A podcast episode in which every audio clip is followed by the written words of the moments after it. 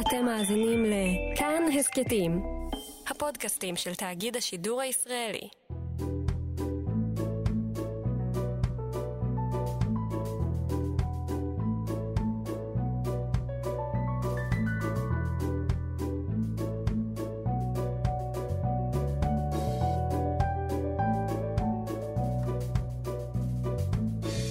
הכינוי שלו קיבל גורדון מת'יו סמנר בגלל סוואטשרט שחור צהוב עם פסים שנהג ללבוש בחזרות, שגרם לו להיראות כמו דבורה. אישית הוא מעדיף את ההשוואה לצירעה. הוא היה בן 25, מורה לאנגלית ביום, נגן ג'אז בלילה, כשסטיוארט קופלנד, מתופף להקת קרבד אר, הבחין בו בהופעה במועדון קטן ואפלולי, שכנע אותו להקים הרכב משותף. כך למעשה החלה דה פוליס, שבין 78 ל-83 הייתה לאחת הלהקות המצליחות בעולם. מאז ועד היום טיפח קריירת סולו ענפה, הלחין פסקולים לסרטים וגם שיחק בלא מעט מהם. התנסה בסמי הזיה והתמחה אצל שמאנים בדרום אמריקה. ייסד את הקרן להצלת יערות הגשם והוביל יותר קמפיינים של אמנסטי אינטרנשיונל מכל פעיל חברתי אחר אי פעם. את ספיישל 88 הפעם נקדיש לאיש והעוקץ, הבחור הבריטי בניו יורק, בונה הארמונות מסביב ללבבות, ההולך על הירח, שכל דבר קטן שהוא עושה הוא קסם. סטינג. שחוגג 70 שנה על פני האדמה. גיל מטוס עורך את לוח השידורים של הרצועה, אני עמלי חביב פרגון. וזה סטינג.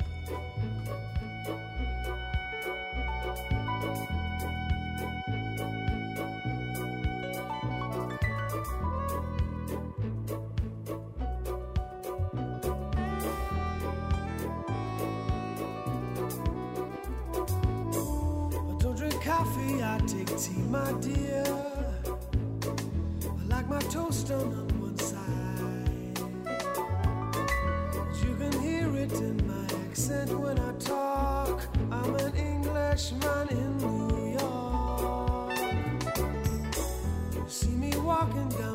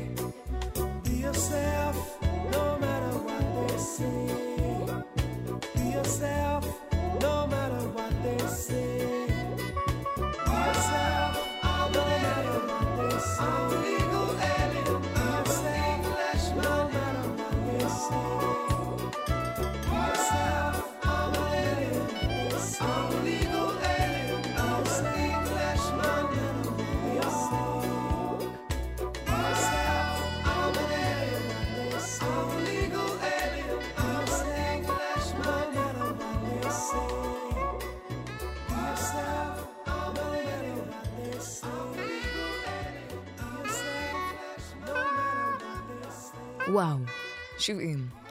מאיפה נתחיל? כנראה שמההתחלה. סטינג נולד ב-2 באוקטובר 1951 בעיירה וולסנד שבצפון אנגליה, לאב קתולי ואם אנגליקנית. הוא נולד בשם המקור גורדון מת'יו תומאס סמנר, ואת אה, כינויו רכש או ליתר דיוק כגנב, אולי, אחרי זמן מה, אבל עוד נגיע לזה. הוא היה הבן הבכור מבין ארבעה ילדים. בית הילדות שלהם שכן בסמוך למספנה, מעגן תיקון ובניית ספינות, שם אה, יכל לבהות שעות ארוכות בפועלים הנמרצים, ובספינות הנכנסות והיוצאות אל הים הגדול והאינסופי, שנצנץ בשעת הדמדומים. אל מה שהוא מתאר כמקום בו החיים זוהרים יותר. I was born in a street, and the end of the street was this massive a tanker, an oil tanker. It was a shipyard, and they would build the biggest ships in the world. And for nine months of the year, they'd build this huge hull above the houses, and then they would launch it into the river, and then it would sail off into the world, never to come to port again. Really, that's a sort of symbol for my life. כילד ונער צעיר נהג גורדון לעזור לאבא שלו, שהיה מכונאי וחלבן בהובלות החלב היומיות שלו. כבר מגיל קטן ידע שהוא רוצה להיות מוזיקאי, כשהתאהב בגיטרה ספרדית ישנה, שהייתה שייכת לאחד החברים המהגרים של אבא שלו, עליה היה מנגן בכל זמן פנוי שהיה לו, אחרי שעות הלימודים אה, וחלוקת החלב. Bum, bum, bum, bum, bum. Bum, bum, bum, bum, bum, bum. I feel free. Bum, bum, bum, bum, bum, bum. I feel free. Bum, bum, bum, bum, bum. הוא היה יוצא למועדונים, בעיקר כאלו עם הופעות חיות, והיה פוקד לא מעט את מועדון הגו-גו בניוקאסל. שם הופיעו קרים ומנפרד מן, שהשפיעו רבות על היצירה המוקדמת שלו. הוא סיים את בית הספר התיכון בשנת 69 ונכנס מיד לאוניברסיטה בקובנטרי, אבל פרש אחרי זמן די קצר. מכירים את הקלישאה הזו שכל אה, מוזיקאי ענק או שחקן עבדו בהתחלה בעבודות אה, סיזיפיות או תלושות מהאופי המוכר שלהם? אז כן, גם במקרה הזה כמובן, אחרי שפרש מהאוניברסיטה, ניסה למצוא את עצמו בעבודות יחסית בנאליות, קופסתיות במרכאות, כרטיסן באוטובוסים, פועל בניין, אה, פקיד מס הכנסה. מיותר לפרט שהוא לא נמשך יותר מדי לאותן נסיעות ממושכות, בלוקים כבדים או נתונים מסורבלים, והחליט לשוב ללמוד בקולג' ולהפוך למורה. וככה בתחילת שנות ה-70 לימד אנגלית בבית ספר סיינט פול שבקרמלינגטון. דמיינו שפתאום המורה שלימד אתכם ספרות בתיכון הופך למוזיקאי מפורסם עם אה, עשרות מיליוני מעריצים ברחבי העולם. נשמע, אני לא יודעת, לפחות לי קצת אה, כמו התחלה של בדיחה.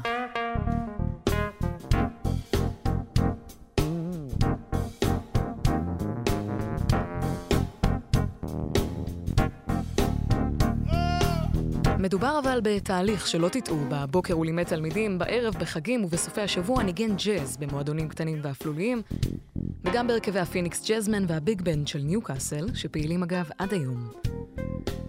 וזה היה בעצם הצעד הראשון שלו כמוזיקאי פעיל, גם אם במשרה חלקית, אחרי שמונה שעות התמודדות עם אה, טינאייג'רים מנומנמים בכיתה.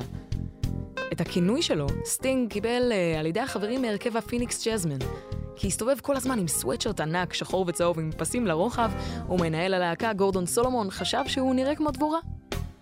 עד היום, אשתו, הילדים שלו, אפילו אימא שלו קוראת לו סטינג, וכשמישהו פונה אליו בתור אה, גורדון, סביר שהוא לא יחשוב שמדובר בו. It's a nickname I've had for at least 12 years. It's very official. My mother calls me Sting.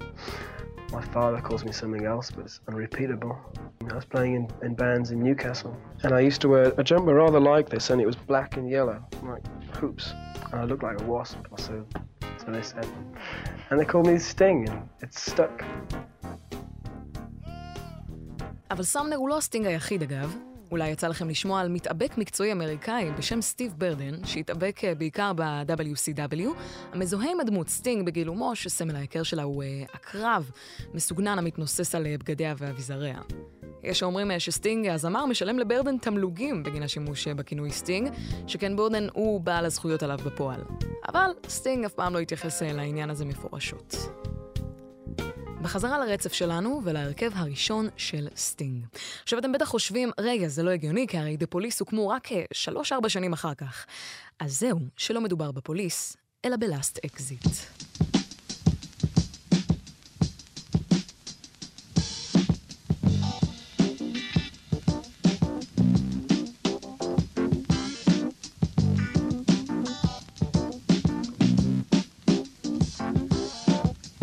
ב-74 סטינג שהיה אז בסיסט קבוע ב Newcastle Big Band, וחברו הקלידן גרי ריצ'רדסון היו די מתוסכלים מחוסר המעוף והשמרנות המסוימת של ההרכב, ונדלקו הרבה יותר על ג'אז מודרני ואנסמבלים אה, כמו Weather Report ו-Return to Forever. ובעצם הם החליטו להקים הרכב ג'אז פיוז'ן, גלם רוק כזה חדש משלהם, Last Exit, על שם אה, ספרו של יוברט סלבי ג'וניור, Last Exit to Brooklyn. אל הצמד הצטרפו גם מתופף להקת ה Phoenix Jazzmen רוני פירסון והגיטריסט ג'ון הדלי, שהוחלף מאוחר יותר בטרי אליס.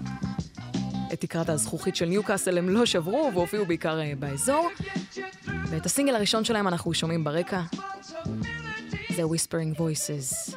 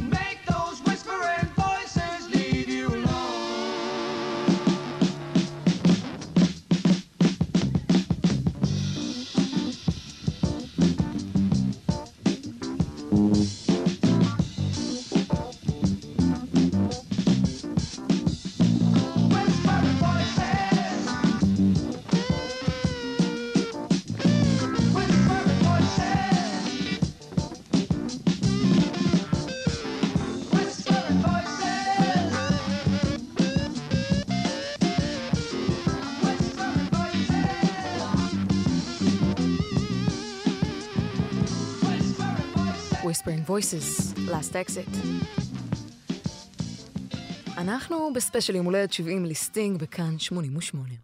ממשיכים ברצף הכרונולוגי שלנו וצוללים חזרה לאמצע ה-70's. במאי 76 סטינג הספיק להתחתן כבר, להתמסד לראשונה עם השחקנית פרנסס טומלטי, ממנה עוד התגרש בהמשך, והביא לעולם את בנו הבכור ג'וזף. הוא כבר היה בחור גדול ואחראי במרכאות עם משפחה שצריך להרוויח, ובלשון המעטה Last Exit, ההרכב הראשון שלו, לא ממש סיפק עבורו את הסחורה. הם ניסו לפרוץ בגדול, באמת שניסו, ואפילו אה, קרול ווילסון, המנהלת האזורית מטעם וירג'ן רקורדס, לקחה אותם תחת חסותה, אחרי שראתה אותם מופיעים במלון בו התארחה, וניסתה לסדר להם גיגים קצת יותר שווים להפיץ את המוזיקה שלהם בשוק הרחב, אבל פשוט לא הייתה דרישה לסוג המסוים הזה. ככה הם אה, דעכו מחודש לחודש, מהופעה להופעה, עברו יחד אה, ללונדון במטרה לתפוס את הגל הגדול של המטרופולין, אבל אחרי כמה הופעות, מחצית מהם שבו עם הזנב בין הרגליים לניוקאסל, וסטינג וריצ'רדסון התחילו לחפש עבודה באזור. ריצ'רדסון היה הראשון למצוא קרקע יציבה כמנהל המוזיקלי של הלהקה של בילי אושן, וסטינג נותר אה, קצת אבוד. עד שהגיע סטיוארט קופלנד.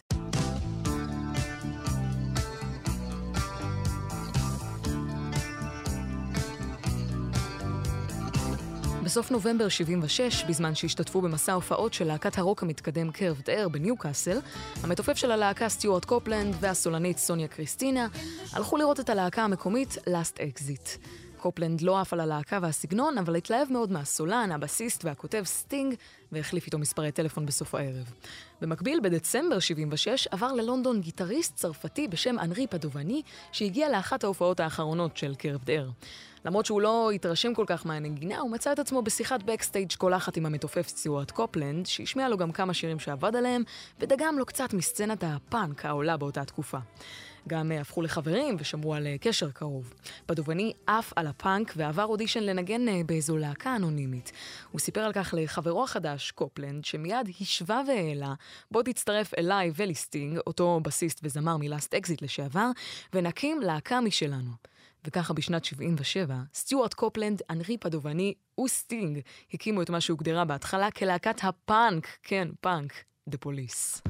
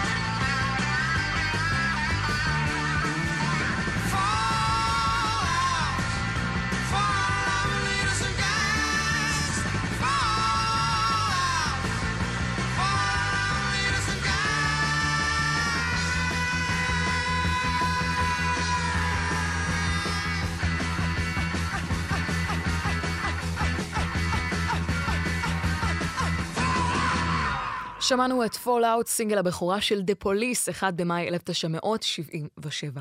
אותה להקת פאנק, כן, תאמינו או לא, עם הסאונד המחוספס והחדשני הזה ביחס לשנות ה-70, ניגנה בפאבים ברחבי לונדון ובמועדוני פאנק אה, שונים בפרברים, וגם חיממו כמה להקות קצת יותר ידועות באותה תקופה, כמו Cherry Vanilla ו Wayne County and Electric Chairs. הם ניגנו קאברים בעיקר, עוד כמה שירים שהיו בתהליכי עבודה, ואת Fall Out שהוקלט, אה, עובד והופק בתקציב מזערי של 150 פאונד שקופלנד לווה מחבר, והיה כאמור לסינגל הראשון שלהם, אבל גם השיר היחיד בו ניגן היה הגיטריסט אנרי פדובני עם The Police. השיר אה, לא תפס, ובטח שלא הופץ. השלושה ממש עברו בין חנויות תקליטים כדי למכור עותקים, ואת הפרסומות הדביקו בעצמם על לוחות מודעות.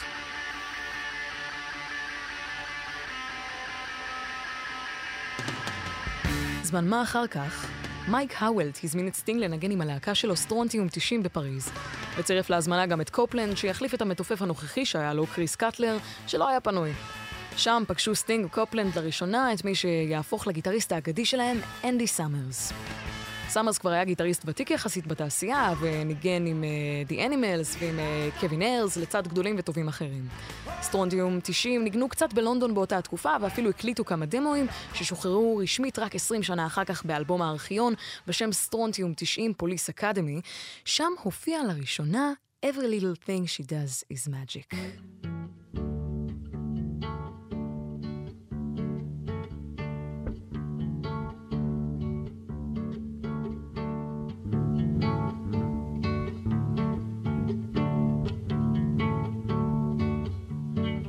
I have to tell the story of a thousand rainy days since we first met?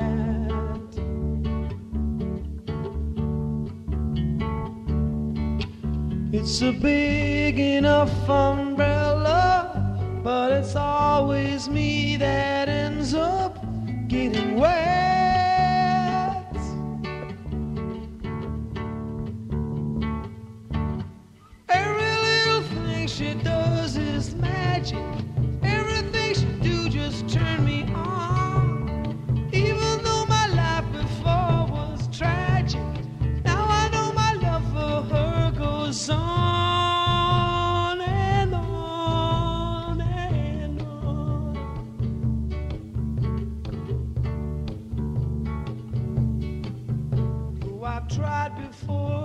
Tell her of the feelings I have for her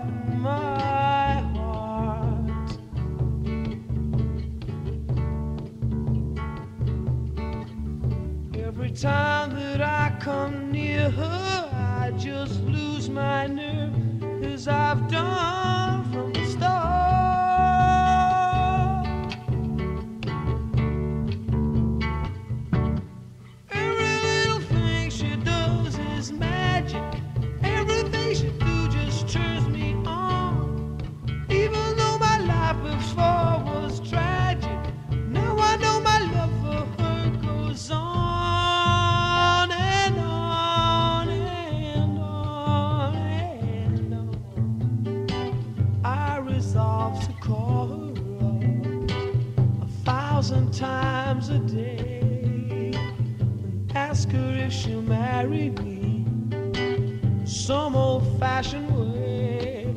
But my silent fears have gripped me long before I reach the phone, long before my tongue has tripped me. Must I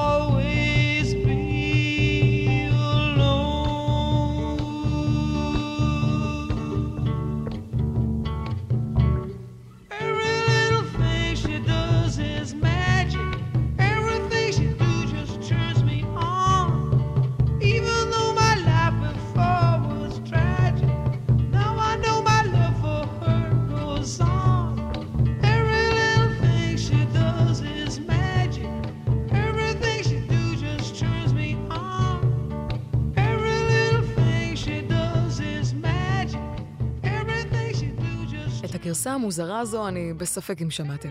סטרונטיום 90, להקת הבסיס של The Police, Every Little Thing She Does is Magic. אתם ואתן על כאן 88, אנחנו בספיישל יום הולדת 70 לסטינג. היכולות המוזיקליות של אנדי סאמרס הרשימו מאוד את סטינג, שהיה ברצף טאקלים עם הנרי פדובני, שהיכולות שלו לפי סטינג היו, איך להגיד, לא יותר מדי גבוהות. הם ביקשו כאמור מסאמרס לחבור אליהם ל The Police, הוא הסכים, פדובני נשאר כגיטריסט שני לכמה חודשים, אבל בסוף עזב. ההשפעה של סאמרס על הלהקה והיצירה הייתה מדהימה וכמעט מיידית. כאילו הסכר היצירתי של אה, סטינג נפרץ, הוא התלהב הרבה יותר מההרכב הקטן שלהם, אה, ויותר מהכל, האמין בו.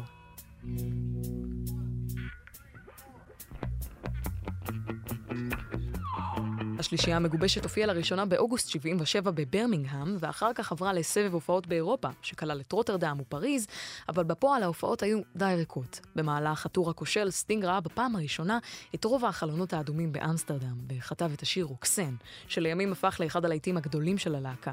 ועוד נגיע אליו בהמשך. הטריו הזה היה קצת לא רגיל, בטח של אותה תקופה. באותן להקות פאנק שניסו להתאים עצמם אליהן, בהתחלה היו הרבה יותר משלושה חברים. והאמת שקהל המעריצים וגם המבקרים הטריים של הפאנק היו די נגדם, שלא היו אותנטיים מספיק לסצנה.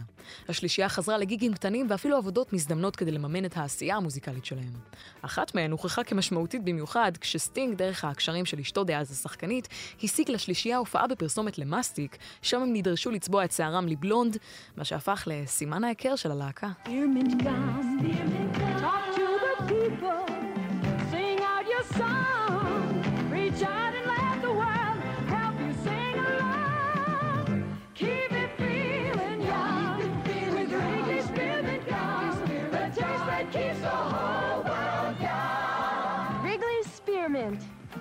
וזו הייתה הפרסומת, והשינוי הגיע כשקופלנד אה, קיבל מאחיו הגדול מיילס 1,500 פאונד במתנה, אותם השקיע כמובן בלהקה. בין ינואר ליולי 78 הקליטו השלישייה, בלא מעט הפסקות, את אלבום הבכורה שלהם בסטודיו לא מוכר של נייג'ל גריי.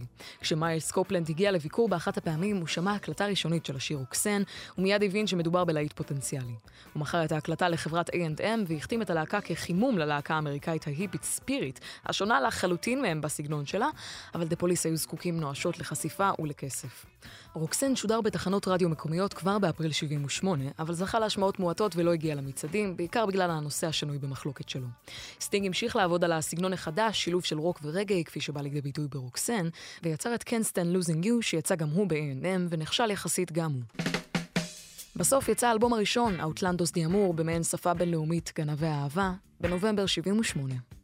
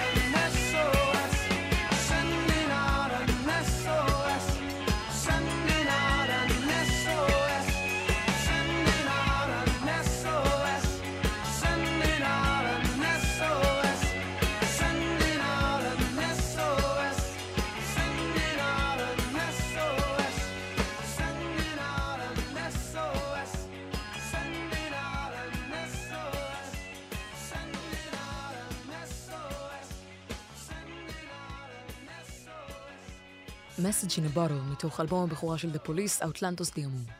הלהקה יצאה לסיבוב הופעות קצר בארצות הברית במטרה לבסס fan base ולהשיג אה, האזנה בתחנות רדיו אמריקאיות אזוריות. הם נסעו מאות קילומטרים ביום, הופיעו 23 פעמים ב-27 ימים, ב-200 דולר להופעה, חולקים בנהיגה עם קים טרנר, שהפך למפיק שותף של מיילס קופלנד.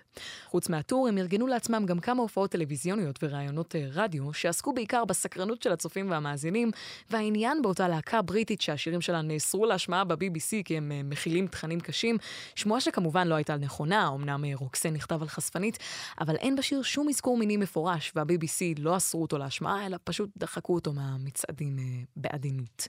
פברואר 79, ההוצאה המחודשת של רוקסן, בעיקר לקהל האמריקאי, שעף על השלישייה האסורה אשר יצדה על כל מסך.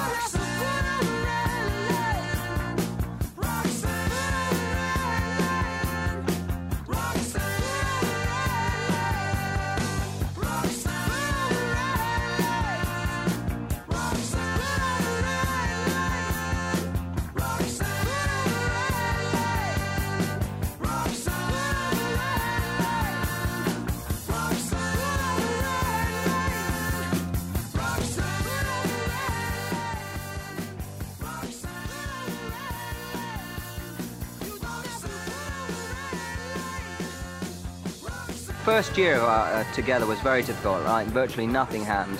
The ball really started rolling for us when we came to America just over a year ago, and we had initial success here in the clubs. And Roxanne was released, and uh, the ball started rolling quite quickly. that success bounced back to England, and uh, it just took off very quickly after that. השנה הראשונה יחד הייתה קשה מאוד, כמעט ושום דבר לא זז. העניינים התחילו להתגלגל כשהגענו לאמריקה, כשזכינו לאהדה ראשונית מהקהל כאן במועדונים. Roxanne שוחרר מחדש, וההצלחה הזאת חזרה איתנו לאנגליה, וההמראה משם הייתה כמעט מיידית. כך סיפר אנדי סאמרס, הגיטריסט של The Police.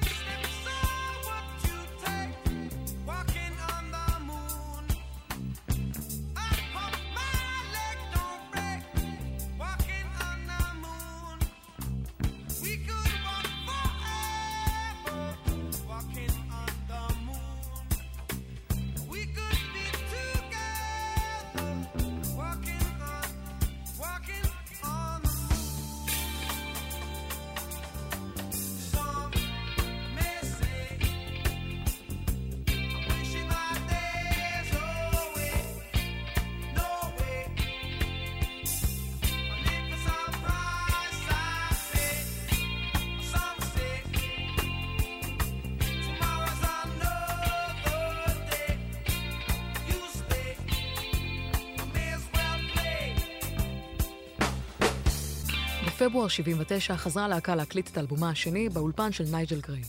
סטינג כתב שלושה להיטים לעתיד, Walking on the Moon, Message in a Bottle ו- The Bed's Too Big Without You, אבל לא היו ללהקה חומרים נוספים. הם השלימו את האלבום באמצעות טיוטות של סטינג וקופלנד וקראו לאלבום Reggatta de Blanc, רגאיי לבן. מכאן הדרך להצלחה הייתה סלולה, גם אם דרשה עבודה קשה. טורים בינלאומיים, טלוויזיה, רדיו, האלבום Zenyatta Mondatta ואז Ghost in the Machine, שאחריו הגיע מסע הופעות קצת פחות אינטנסיבי, והחבורה המגובשת אה, אפשרה לכל חבר למצוא את עצמו מחדש, ולסטינג לגלות את האהבה הגדולה שלו למשחק.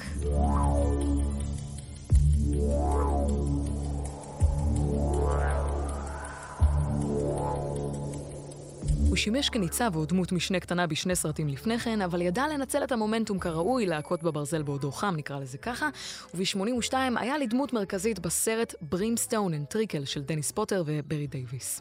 הוא לא פצח רק בקריירת משחק בסרטים, אלא גם הלחנה לפסקולים של סרטים כמו נעימת הנושא של הסרט, אותה אנחנו שומעים ממש עכשיו ברקע. הוא אמנם גילה צד חדש ומלהיב בעצמו מבחינת אה, קריירה, אבל בפן האישי זו הייתה שנה לא פשוטה בכלל עבור סטינג. הוא תבע את חברת וירג'ן על הפרת החוזה שלו אצלם מימיו בלאסט אקזיט, ובנוסף הוא נפרד מאשתו הראשונה פרנסס בעקבות רומן שהתפתח בינו לבין שכנה שלהם ואשתו לעתיד, טרודי סטיילר. השחקנית הייתה חברה טובה של אשתו, סטינג אה, אהב אותה מרחוק, עד שהחלו לצאת בסתר. בעקבות אותה התשוקה שלו אליה והרצון אה, להסתיר מאשתו, הילדים ומהחברה, הוא כתב את Every Breath You Take, שנכנס לאלבום החמישי והאחרון של The Police, שיש האומרים שהוא הטוב ביותר של הלהקה, Synchronicity, וב-1982 נפרד סטינג מטומלטי, ועבר אל מעבר לרחוב, מטאפורית כמובן, אל בין זרועותיה של טרודי סטיילר. איתה התחתן והביא לעולם עוד ארבעה ילדים, והם יחד עד היום. Every breath you take. Every breath you take,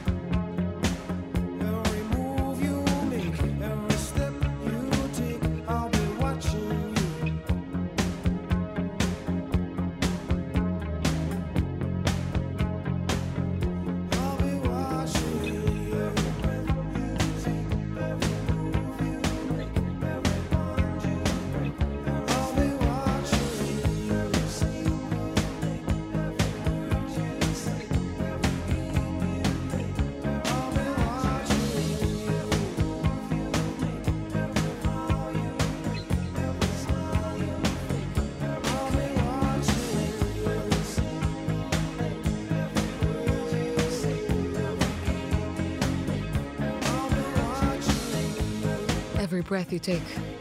The Police. נזכיר שאתם ואתן על כאן 88.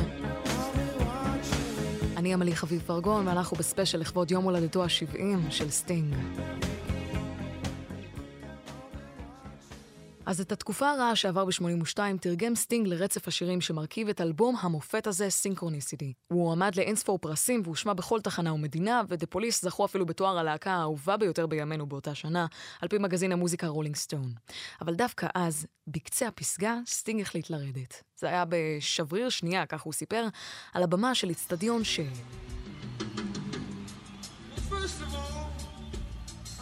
Thank the Beatles for lending us their stadium.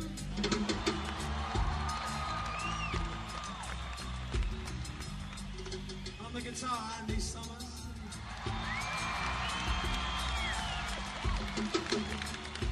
Our backing vocalist, Tessa Niles and Shady. On the drums, Stuart Copeland.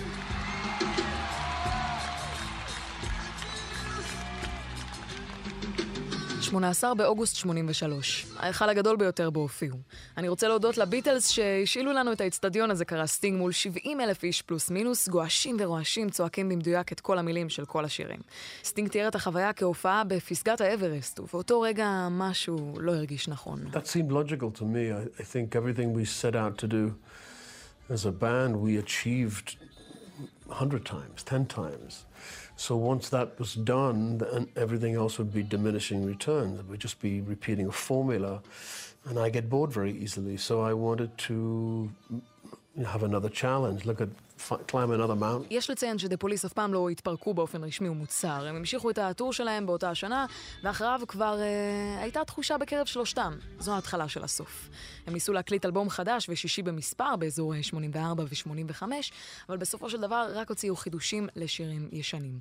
כל אחד מחברי הלהקה המשיך משם בקריירת סולו צדדית כביכול, סאמרס הקליט אה, אלבום שני עם רוברט פריפ, אה, סטינג הופיע בשני סרטים, קופלנד הקליט אלבום בקמרון ובקונגו. אבל ללא ספק הטריגר העיקרי לפירוק הלהקה היה האלבום היחיד המוצלח מאוד של סטינג, The Dream of the Blue Turtles, שיצא אה, ב-1985, וההופעה שלו בנפרד מהלהקה במופע Live Aid באותה שנה. You know, you know, lusts for a solo career, which he did, you know, to the shock of the world and, you know, to his own success with it, and all the rest of it. הפסקנו לעבוד ממש בשיא שלנו, וזה היה בעיקר בגלל התאווה שלו לקריירת סולו, אותה הוא גם מימש, כך נשמע אנדי סאמרס בריאיון לפני קצת יותר מעשור. משנת 86 The Police לא שבה להקליט עוד. הם הופיעו יחד בחתונה של סטינג וטרודי סטיילר ב-92, וב-2003 ביצעו את הלהיטים הגדולים שלהם כשהלהקה הוכנסה רשמית להיכל התהילה של הרוק. הם התאחדו רשמית ב-2007, אחרי שהופיעו בגרמי ה-49, ויצאו לסיבוב הופעות עולמי ב-2007 ו-2008. שרק הוכיח את מה שידוע כבר 20 שנה קודם לכן, קשה להם לעבוד יחד.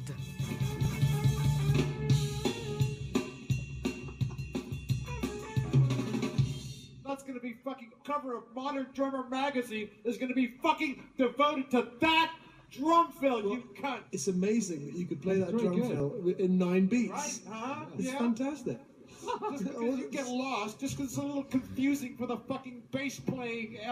בסוף הטור הודיע סטינג, לא יהיה אלבום חדש, לא יהיה עוד מסע הופעות גדול. לאחר סיום המסע הנוכחי, זה הסוף של ה-Police. ההופעה האחרונה בסבב הזה, וככל הנראה ההופעה האחרונה בכלל של הלהקה, התקיימה בתאריך 7 באוגוסט 2008 בניו יורק. If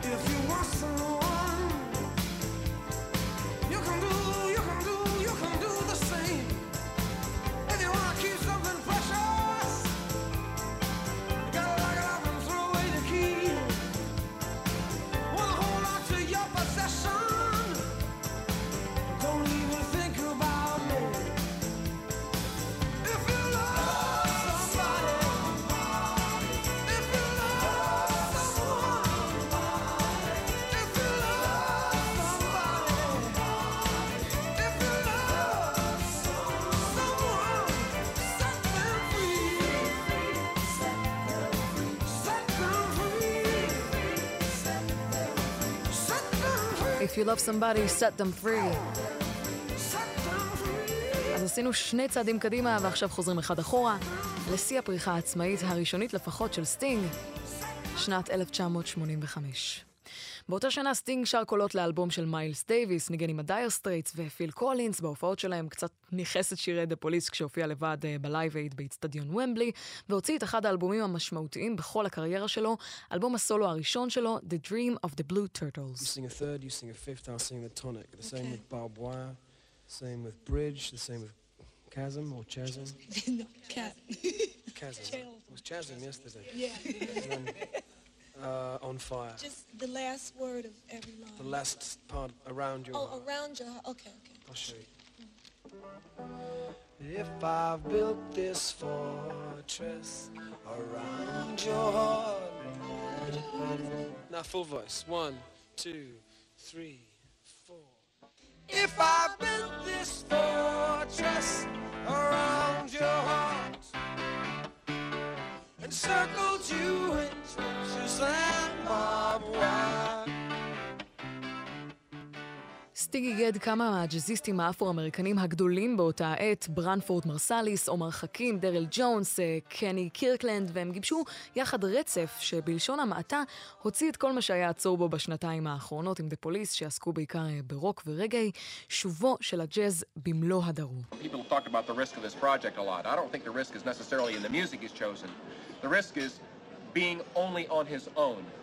Where there's no cocoon, where every interview has to be done by him. Whereas in the police, he would only do a quarter of the interviews because the others would carry the bulk of it. Everything now is Sting. The pressure, it's the pressure is the important difference between this situation and the one he was in the police. אני לא חושב שהסיכון הגדול בפרויקט הזה היה טמון דווקא במוזיקה, אלא בעובדה שהוא פתאום היה לבד, בלי גולם להתעטף בו. הוא צריך לעשות כל ראיון לבד ולענות על כל השאלות בעצמו, ביחס לפעם שהיה משתתף רק ברבע ראיון בערך, והשאר היו נושאים את שאר הנטל. הלחץ הוא ההבדל המרכזי. סיפר מיילס קופלנד, כן אחיו של סטיוארט קופלנד המתופף, שנשאר המנהל של סטינג גם אחרי שנפרד מ-The Police. כל האלבום הזה, אגב, וכל העוסקים במלאכה, מתועדים בסרט הדוקו Bring on the Night. העבודה המשותפת, ההכנות להופעה הראשונה שלהם בצרפת. שימו עין אחרי שתשימו אוזן. בקיצור, תוך שנה האלבום הזה הגיע למעמד פלטינה משולשת, הועמד לזכייה בחמישה פרסי גרמי שונים, וסלל את הקריירה העצמאית שלו מאותה עת.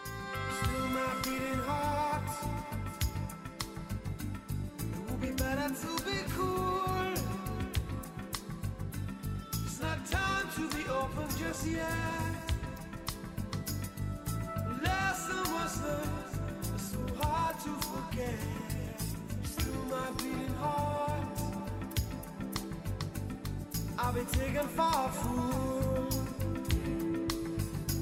It's not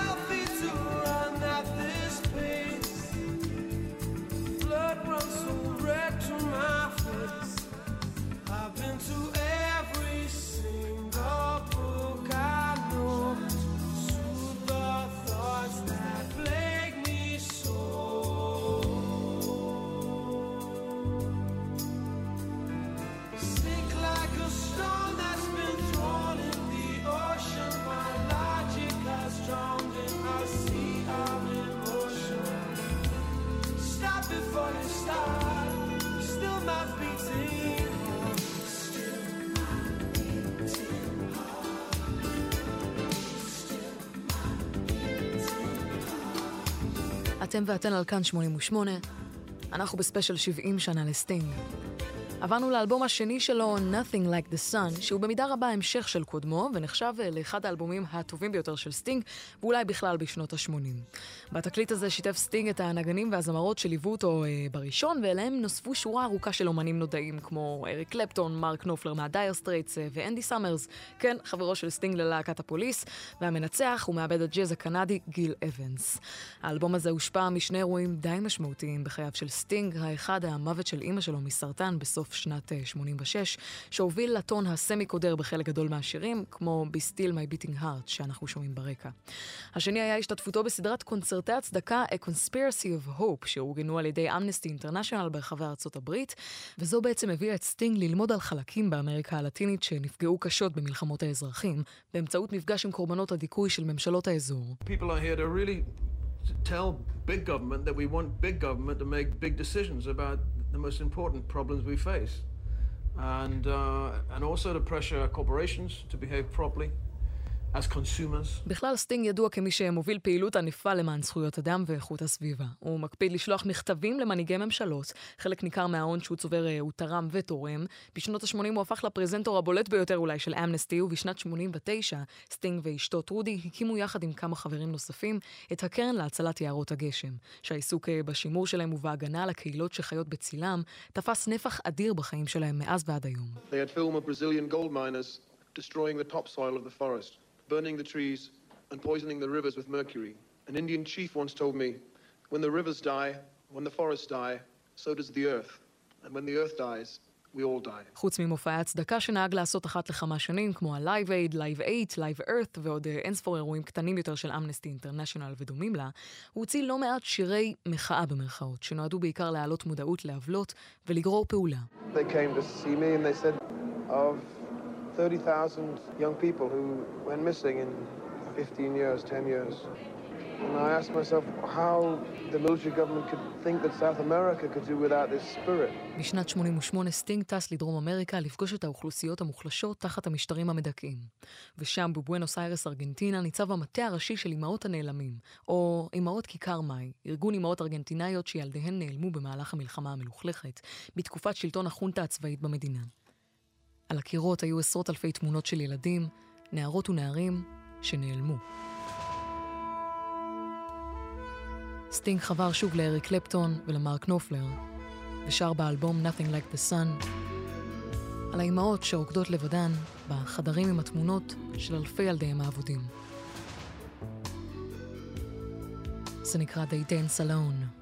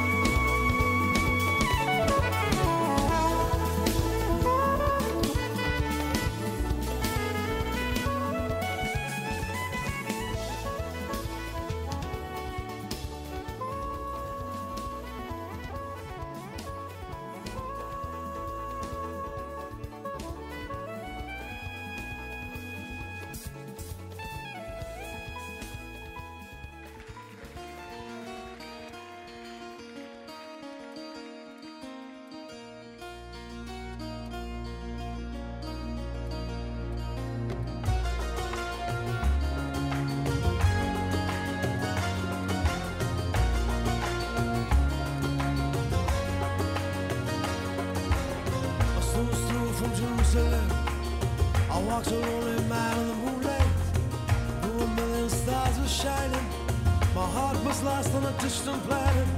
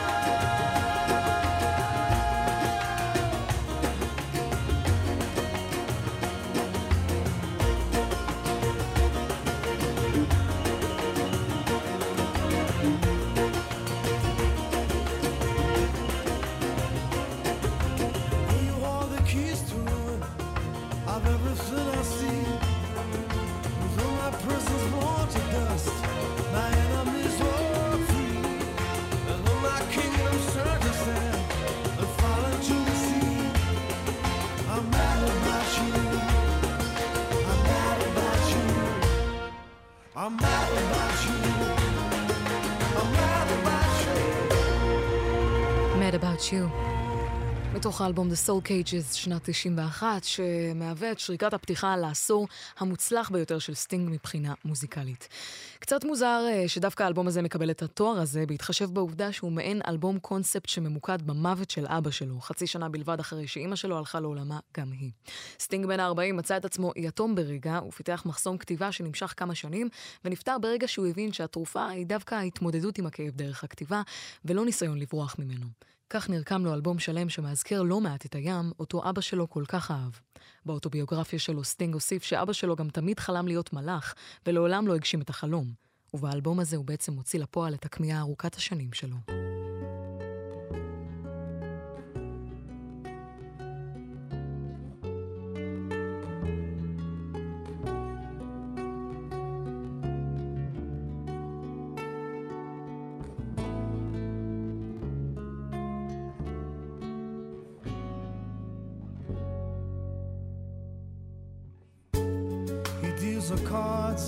A meditation. And those he plays never suspect. He doesn't play for the money he wins. He doesn't play for respect. He deals the cards to find the answer the sacred geometry of chance,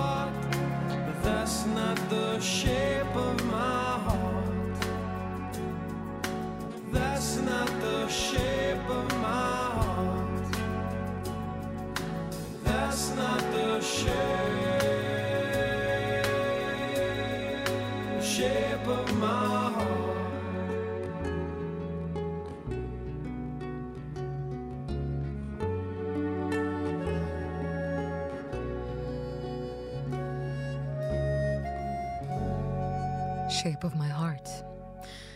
אתם ואתן על כאן 88 מציינים יחד יום הולדת 70 לסטינג. אנחנו עדיין בעשור הזוהר, שנות ה-90, ועברנו לאלבום הרביעי שלו משנת 93, 10 Summoner's Tales. שם האלבום משלב את שם המשפחה שלו עצמו, סמנר, עם דמות המזמן, The Summoner, מספרו של ג'ופרי צ'אוסר, The Canterbury Tales, כיאה למורה לספרות לשעבר. ביחס לקודמו, The Soul Cages, 10 Summoner's Tales, עוסק בתמות של אהבה ומוסר ברקע אווירה קצת יותר שמחה וקצבית. הוא הועמד לשישה פרסי גרמי באותה שנה וזכה בשלושה, ומיותר לציין ש-Shape of My Heart אה, הפך לאחד השירים המסומפלים ביותר בכל הזמנים. סטינג תמיד נמשך לסגנונות שונים ומגוונים של מוזיקה, אבל עד ה-nineties התמקד בעיקר בג'אז, רוק, פאנק ורגאיי. מאותו עשור פתאום ניכרת הכמיהה המוזיקלית שלו לאותנטיות, שכוללת בתוכה גם צלילי מוזיקת עולם ומסרים מרגיעים של אהבה ושלום.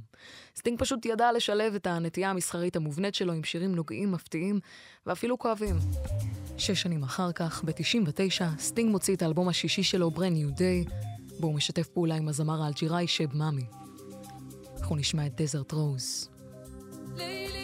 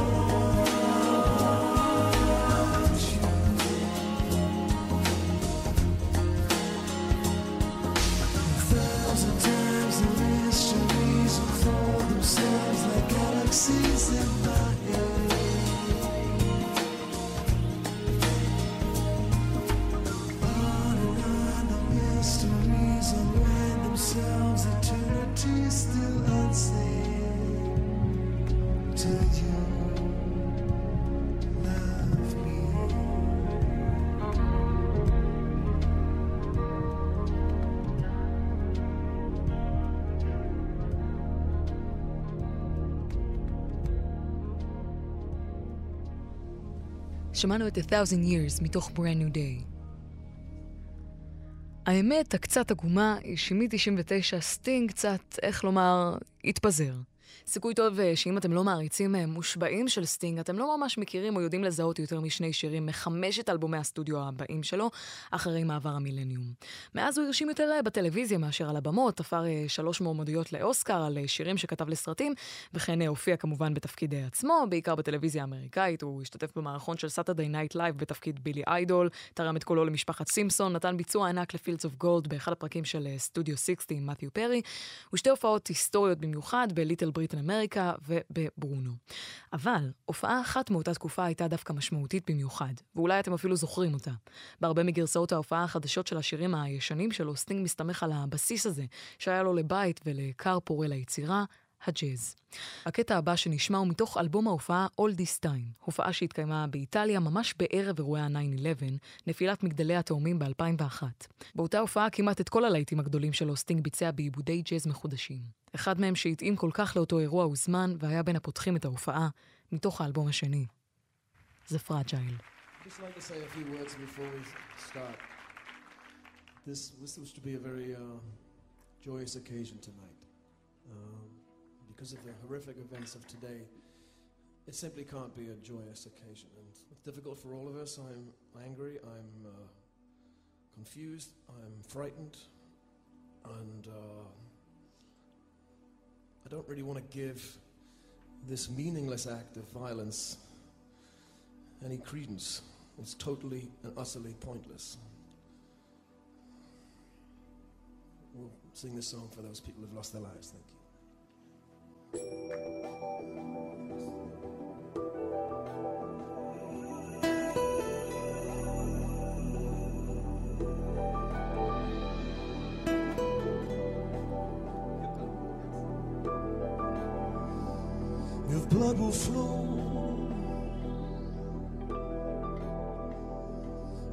And steel are one, drying in the color of the evening sun. Tomorrow's rain wash the stains away. Something in our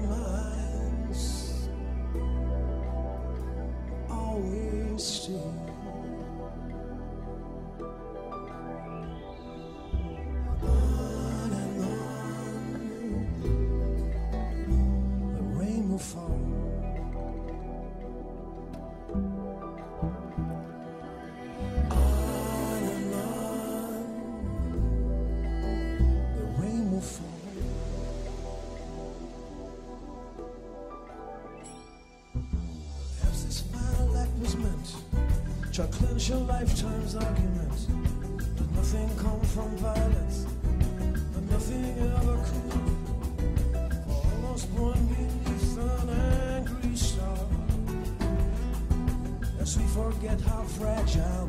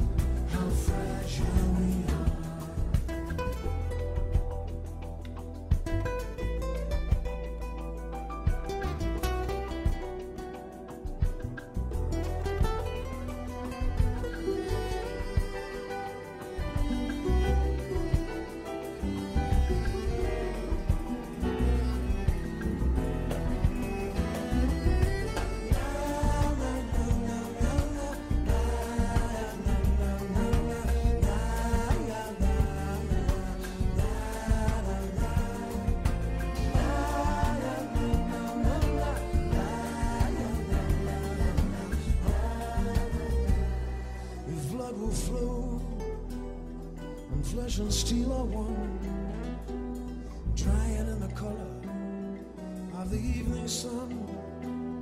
Tomorrow's rain will wash the stains away.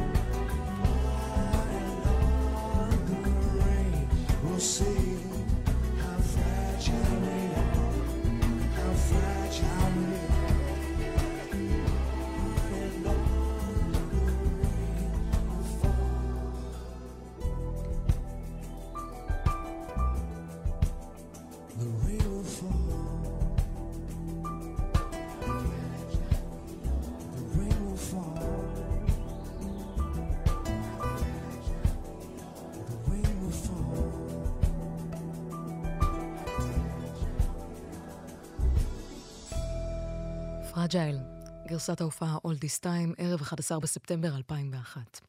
כאן 88, אנחנו בספיישל יום הולדת 70 לאיש והעוקץ סטינג. הזמן קצר והמלאכה והיצירה מרובה, אז נקפוץ אה, שוב בערך עשור, עשור וחצי קדימה, או בעצם 50 שנה אחורה.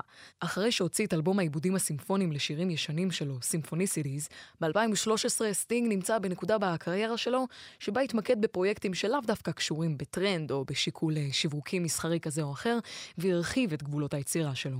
אחרי מחסום כתיבה של שמונה שנים פלוס מינוס, ואנחנו יודעים שלסטינג יש אה, עניין עם מחסומי כתיבה, הוא הוציא את The Last Ship, אלבום רטרוספקטיבי, שכולו מורכב משירים המופיעים במחזה שכתב ועלה בברודוויי, המבוסס על זיכרונות ההתבגרות שלו בצל המספנה הענקית בסוף הרחוב בו גדל, בפרברי ניוקאסל. I had this idea of writing a play about my hometown, about uh, the shipyard. And it's called The Last Ship. And I started to write songs um, about some characters that I knew, some characters I made up, and characters that were composites of both of those things. And found that uh, there was a lot to say. I have a lot of memories. It's all there in the Gospels. The Magdalene girl comes to pay her respects. But her mind is a whirl when she finds the tomb empty. The stone had been rolled, not a sign of a corpse. In the dark and the cold, when she reaches the door, sees an unholy sight. There's this solitary figure in a halo of light. He just carries on floating past Calvary Hill. In an almighty hurry, aye, but she might catch him still. Tell me where are you gone, Lord, and why in such haste? I don't hinder me, woman. I've no time to waste, for they'll launch in a boat on the morrow at noon. And I have to be there before daybreak. Oh, I cannot be missing. The lads will expect me. Why else would the good Lord Himself resurrect me? For nothing will stop me. I have to prevail. Through the teeth of this tempest, in the mouth of a gale, may the angels protect me if all else should fail and the last ship sails. Or the roar of the chains and the cracking of timbers. The noise at the end of the world in your ears as a mountain of steel makes its way to the sea and the last ship sails.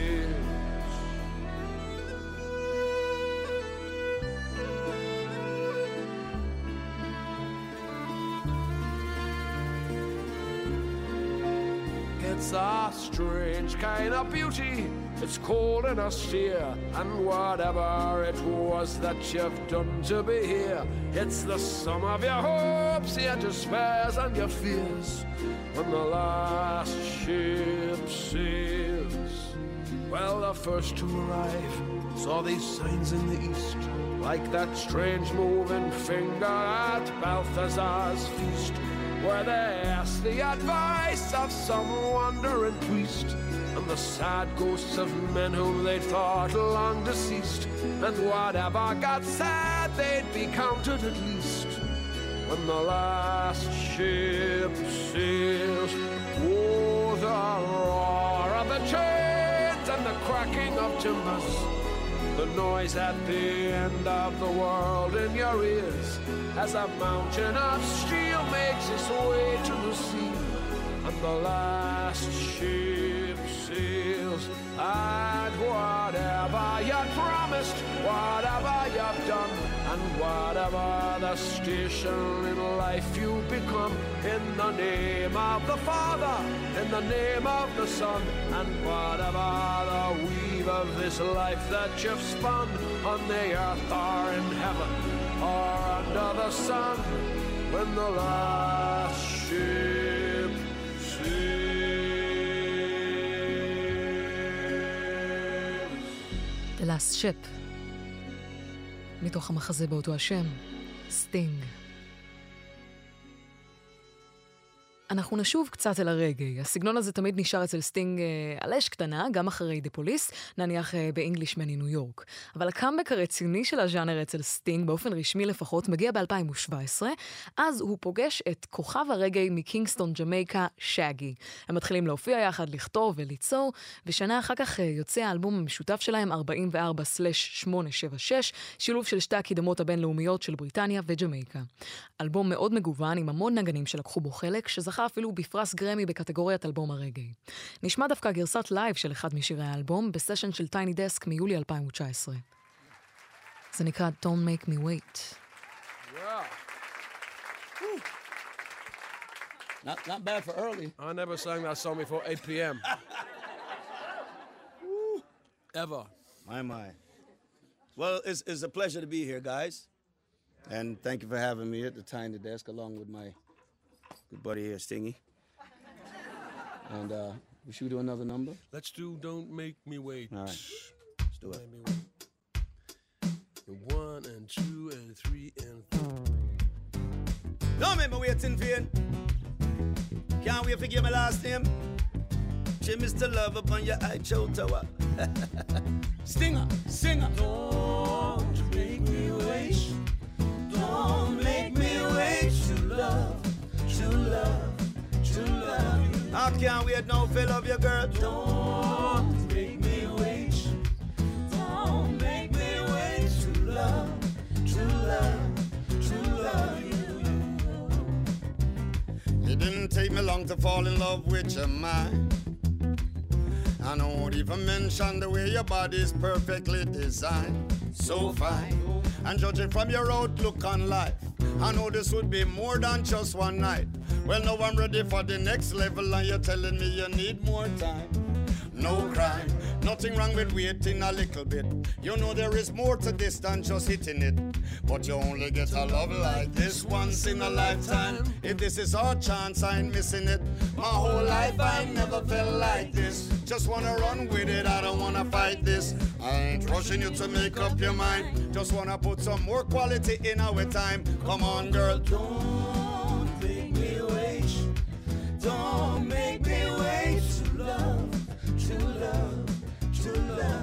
I can't wait now to love you, girl. Don't make me wait. Don't make me wait to love, to love, to love you. Talk to them, Stinger. I don't want you to think I'm rushing you. No rush, warm and easy, my youth. I know you like to take your time. Hey, why? Oh. I'm already sold on the idea of you and I.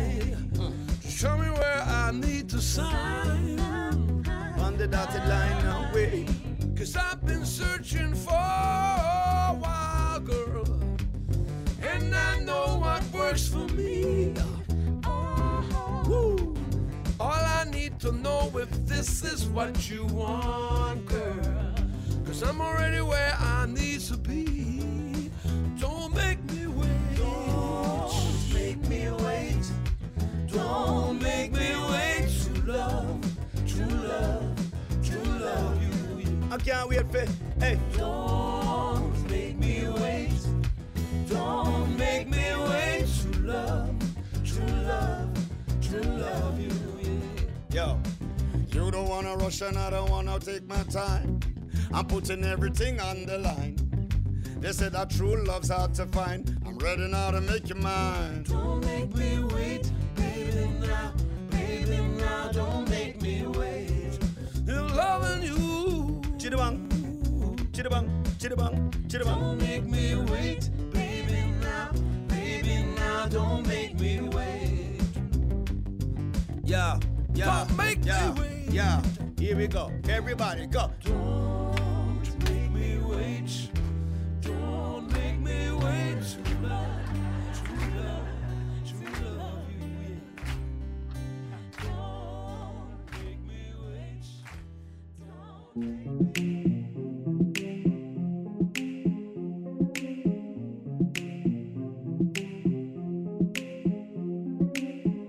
Comme la lune, la nuit apparaît dans ma vie, comme une étincelle elle met le feu sous la pluie elle a fait de moi la victime de mes insomnies.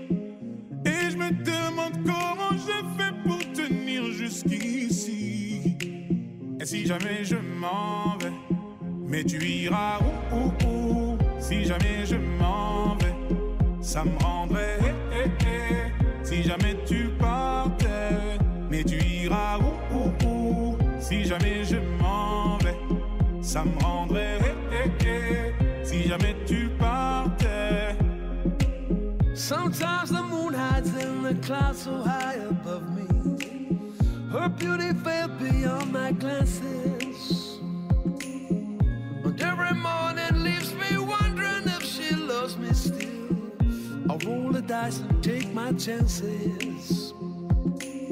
I roll the dice and take my chances. Mais tu iras où, où, où Si jamais je m'en vais, ça me rendrait. eh, eh, eh. Si jamais tu partais, mais tu iras où, où, où? Si jamais je m'en vais, ça me rendrait. eh, eh, eh. Si jamais tu partais. Just like the rain, she plants a flower in the desert of my heart until it withers in the sunlight.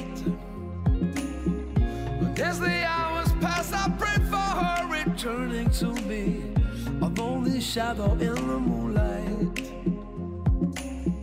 A lonely shadow in the moonlight. Mais tu iras où, où, Si jamais je m'en vais, ça me rendrait. eh, eh, eh. Si jamais tu partais, mais tu iras où, où Si jamais je m'en vais, ça me rendrait. Derrière chacun de tes pas, je suis là, mais tu ne me vois pas. C'est où, où, où? Tu ne me vois pas. C'est où, où, où? Mais je suis et derrière chacun de tes pas, je suis là, mais tu ne me vois pas. C'est où, où, où? Tu ne me vois pas. C'est où, où, où? Mais je suis là. Comme la rose rouge qu'elle a posée sur ma poitrine. J'ai prié de peur qu'elle s'envole et ne s'abîme. Elle a fait de moi la victime de mes insomnies. Et je me demande comment je fais pour tenir jusqu'ici. Et si jamais je m'en vais, mais tu iras où, où, où? Si jamais je m'en vais, ça me rendrait. eh, eh, eh. Si jamais tu partais, mais tu iras où, où, où? Si jamais je m'en vais, ça me rendrait. eh, eh, eh. Si jamais tu partais, mais tu iras où, où, où? Si jamais je m'en vais, ça me rendrait. eh, eh, eh. Mais tu iras où, où, où? Si jamais je m'en vais, ça me rendrait.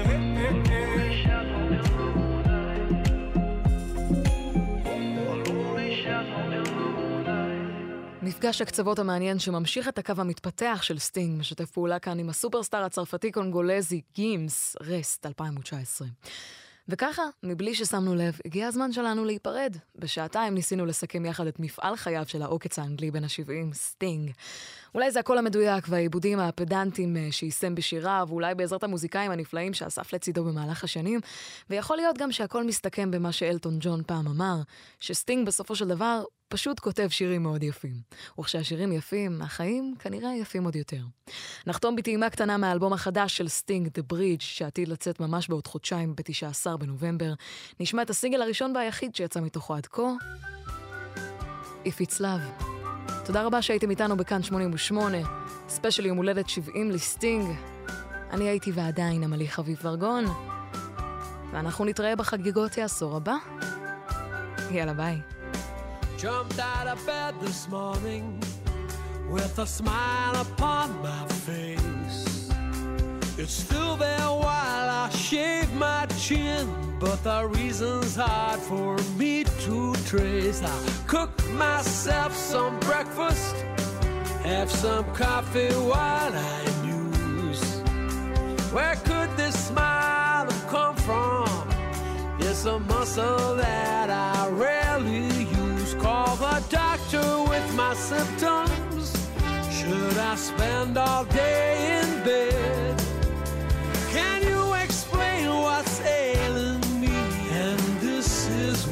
My doctor said. If it's love, it has no season. If it's love, there is no cure. If it's love, it won't see reason. And of this you can be sure. If it's love, you must surrender. If it's love that's turned you around, if it's love,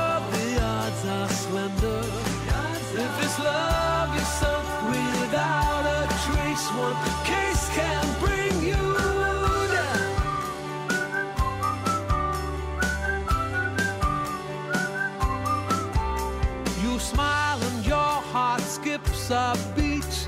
You hear a church bell chiming.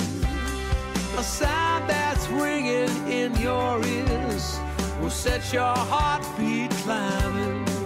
And my doctor's diagnosis, his opinion, and I quote I write you a prescription. And this is what my doctor wrote. If it's love, it has no season. If it's love, there is no cure. If it's love, it won't see reason.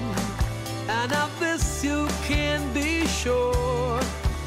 If it's love, you must surrender.